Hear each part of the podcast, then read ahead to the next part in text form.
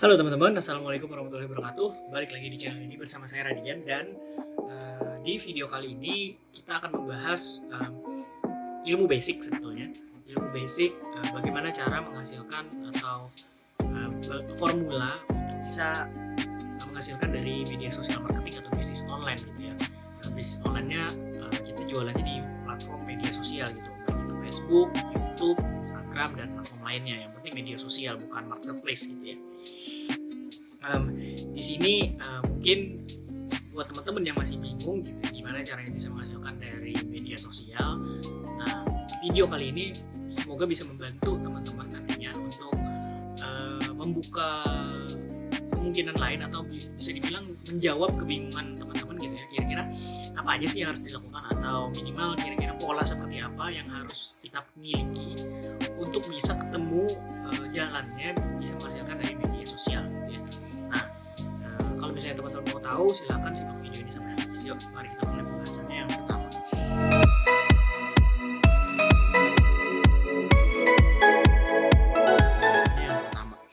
Yang pertama. Formula dasar uh, menghasilkan dari media sosial atau bisnis online adalah traffic nah ini penting banget karena uh, buat saya uh, ada beda antara media offline dengan media online gitu kalau misalnya media online um, tentu kita akan mencari toko-toko atau mungkin wilayah-wilayah yang memang sering dilewati oleh orang, orang banyak gitu ya. Nah mungkin kan kita buka toko di tengah hutan gitu, nggak ada juga yang beli gitu ya. Nah bedanya dengan di media online atau di media sosial, uh, justru kita yang harus mendatangkan trafficnya gitu loh, bukan bukan si traffic yang mendatangi kita gitu ya, tapi uh, kita yang harus membuat traffic itu menghampiri kita gitu.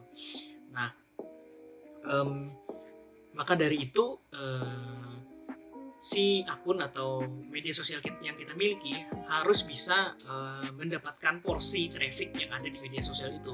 Semua media sosial ada trafficnya, tapi uh, pasti akan terbagi-bagi gitu ya, karena banyak banget yang punya yang main di situ gitu. Nah, uh, tugas kita adalah mendapatkan atau minimal setidaknya bisa membuat akun kita terlihat oleh lebih banyak orang daripada yang lain gitu.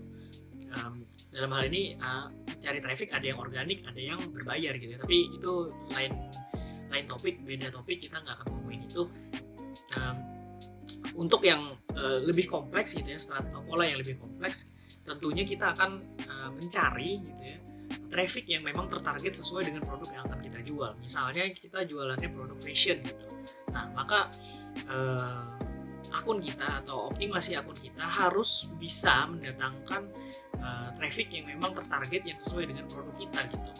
Uh, ini ditujukan untuk bisa lebih mengefisiensi atau mengefektifkan kampanye promosi yang ada di akun kita gitu. Uh, dengan begitu, dengan optimasi yang tepat, maka uh, waktu yang diperlukan untuk membuat awareness akun kita semakin besar itu akan semakin semakin sedikit gitu ya. Dalam arti uh, misalnya kalau kalau akun yang nggak dioptimasi misalnya harus menjangkau orang Eh, sepuluh ribu orang misalnya dalam waktu satu bulan misalnya. Kalau tidak kalau yang dioptimasi bisa jadi sepuluh ribu orang hanya dalam waktu dua minggu misalnya begitu ya. Bisa juga. Nah ini uh, perlu strategi yang lain untuk optimasinya tapi kita nggak akan bahas itu. Kita akan bahas formula dasarnya aja dulu. Yang penting di awal kita harus tahu dulu gimana caranya mendapatkan traffic. Nah itu yang paling penting. Terus yang kedua adalah konten dan copywriting. Nah dua ini nggak nggak bisa dipisahkan gitu. Nah, um, konten adalah konten itu bisa berupa video. Kayak begini ini video konten gitu ya. Atau bisa berupa tulisan atau bisa berupa foto gitu ya. Atau suara mungkin bisa podcast gitu ya bisa. Dan um, copywriting. Copywriting itu lebih ke apa ya istilahnya uh, kalimat atau um, tulisan yang menjual gitu. Eh bukan tulisan juga sih.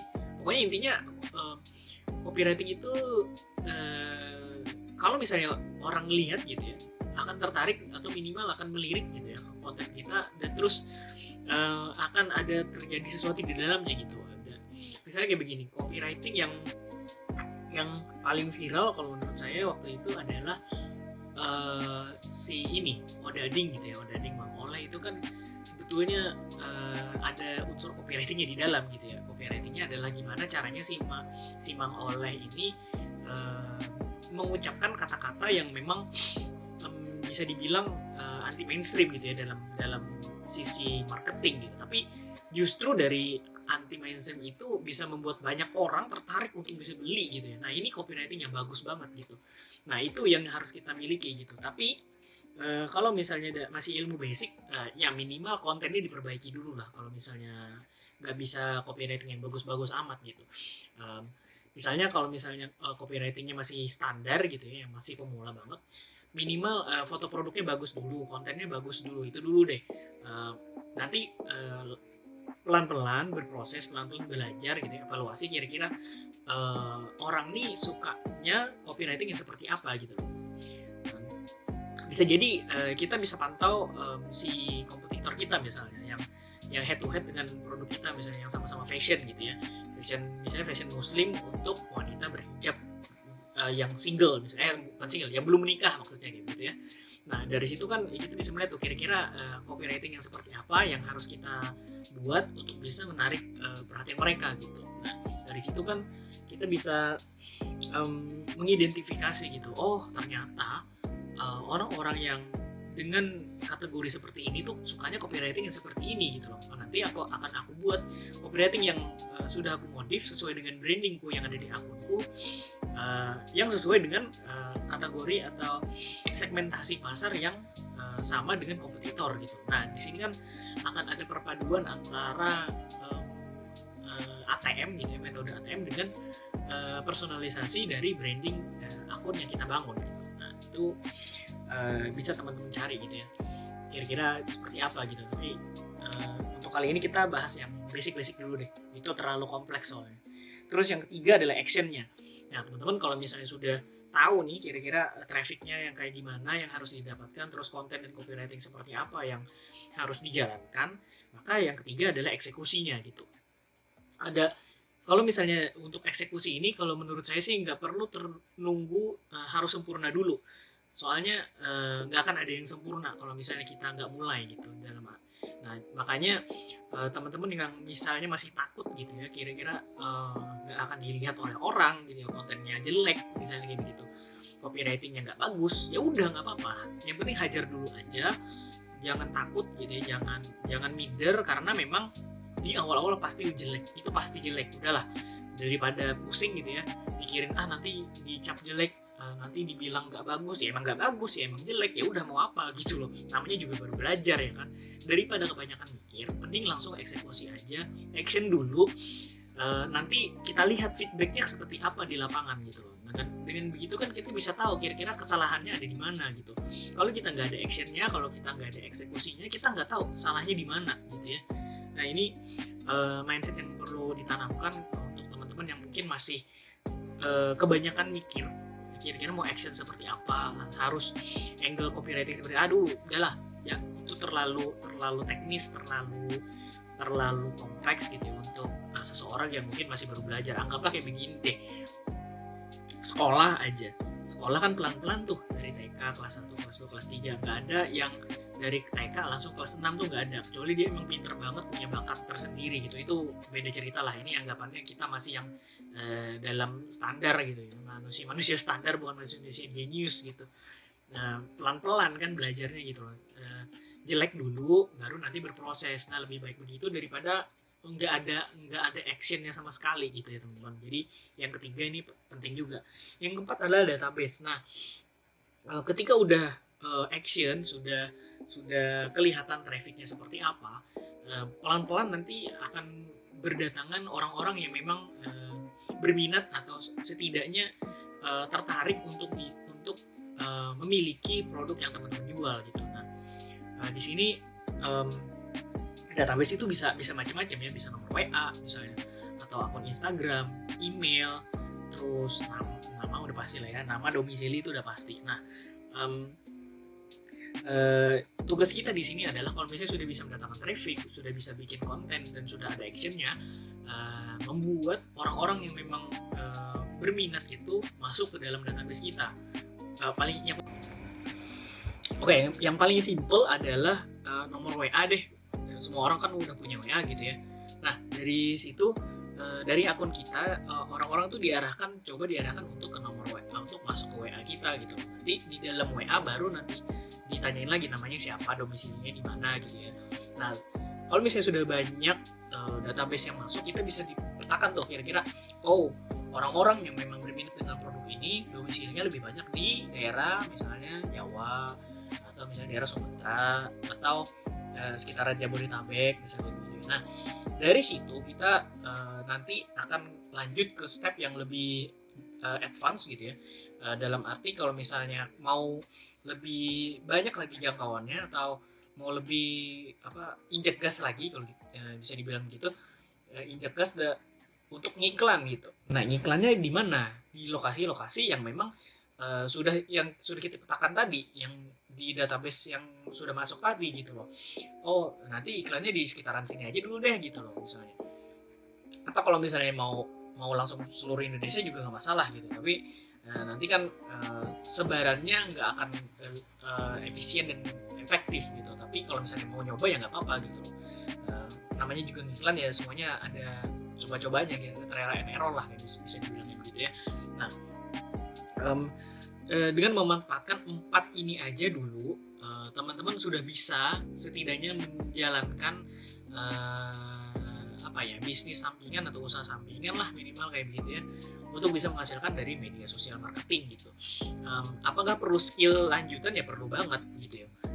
Misalnya untuk mendapatkan traffic tentu kita harus uh, belajar optimasi misalnya. Entah itu di optimasi YouTube, Instagram, Facebook, Twitter segala macam lah. Terus kalau misalnya mau bikin konten atau copywriting ya perlu belajar juga desain misalnya. Ini paling basic desain deh. Belajar desain dulu copywriting mah uh, sambil jalan kayaknya juga bisa gitu. Apalagi uh, udah ada kompetitor yang sebelumnya uh, sudah duluan jalan uh, kita bisa setidaknya punya pedoman dulu lah. Bukan bukan untuk ditiru ya ya punya pedoman dulu untuk uh, punya apa ya punya pedoman benchmark lah bisa dibilang. Uh, benchmark untuk membuat copywriting yang uh, sesuai dengan standar orang-orang uh, yang memang berminat dengan produk itu gitu. Terus yang ketiga action nah action ini kayak gimana? Misalnya apakah perlu tools misalnya atau perlu mentor untuk bisa uh, lebih efektif dan efisien lagi gitu ya belajarnya bisa jadi kayak begitu. Terus uh, untuk database misalnya apakah mau di scale up lebih banyak uh, lewat email marketing misalnya kayak begitu atau punya website misalnya untuk uh, mendapatkan database yang memang uh, bisa merekam behavior orang-orang yang mengunjungi website itu misalnya kayak begitu ya. Uh, apakah perlu iklan misalnya belajar iklan FB Ads, IG Ads, Google Ads misalnya begitu. Nah itu akan beda lagi tapi formula dasarnya seperti itu gitu. Teman-teman bisa pelajari itu dulu gitu. Jadi nggak perlu banyak modal nggak perlu banyak uh, mikir gitu ya. Uh, belajar aja di YouTube banyak Google apalagi dulu sumber segala ilmu lah kayaknya kalau Google mah. Terus kalau misalnya ada yang buka kul WA, kulgram atau webinar misalnya webinar gratis ikutin aja. Walaupun nanti memang ada ujung-ujungnya jualan tapi kan kita nggak wajib beli. Kita ambil ilmunya aja gitu ambil ambil manfaatnya dari situ gitu. Kita kita ambil manfaatnya praktikin. Ambil manfaatnya praktikin. Itu itu dulu aja gitu karena saya dulu juga begitu soalnya. Jadi ini saya nonton webinar saya uh, ikutan kul WA gitu ya. Uh, baca-baca status orang nonton YouTube baca artikel. Oh semuanya udah udah dimakan lah gitu ya nah, kalau misalnya sekedar nonton atau sekedar uh, ini doang nyimak doang nggak ada prakteknya juga salah gitu. Um, kalau misalnya mau menghasilkan dari gratisan ya harus ada actionnya gitu ya. Semuanya juga harus ada actionnya biar tahu gitu kesalahannya di mana. Evaluasi seperti apa yang harus dilakukan terus uh, strategi apa yang perlu diubah ya gitu gitu gitulah pokoknya. Nah jadi uh, semoga video ini bisa membantu teman-teman yang masih kebingungan kira-kira harus seperti apa menjalankan bisnis online atau uh, bisa menghasilkan dari uh, media sosial gitu ya Terima kasih banyak sudah menonton. Eh, kritik saran eh, silahkan tulis di kolom komentar. Yang gratisan, channel Telegram, Instagram semua ada di deskripsi. Silahkan dicek aja satu persatu. Um, apalagi mau request topik atau pembahasan apa lagi tulis di kolom komentar. Terima kasih banyak sudah menonton. Sampai ketemu di video berikutnya. Oh, subscribe jangan lupa. subscribe ya. ya. Assalamualaikum warahmatullahi wabarakatuh.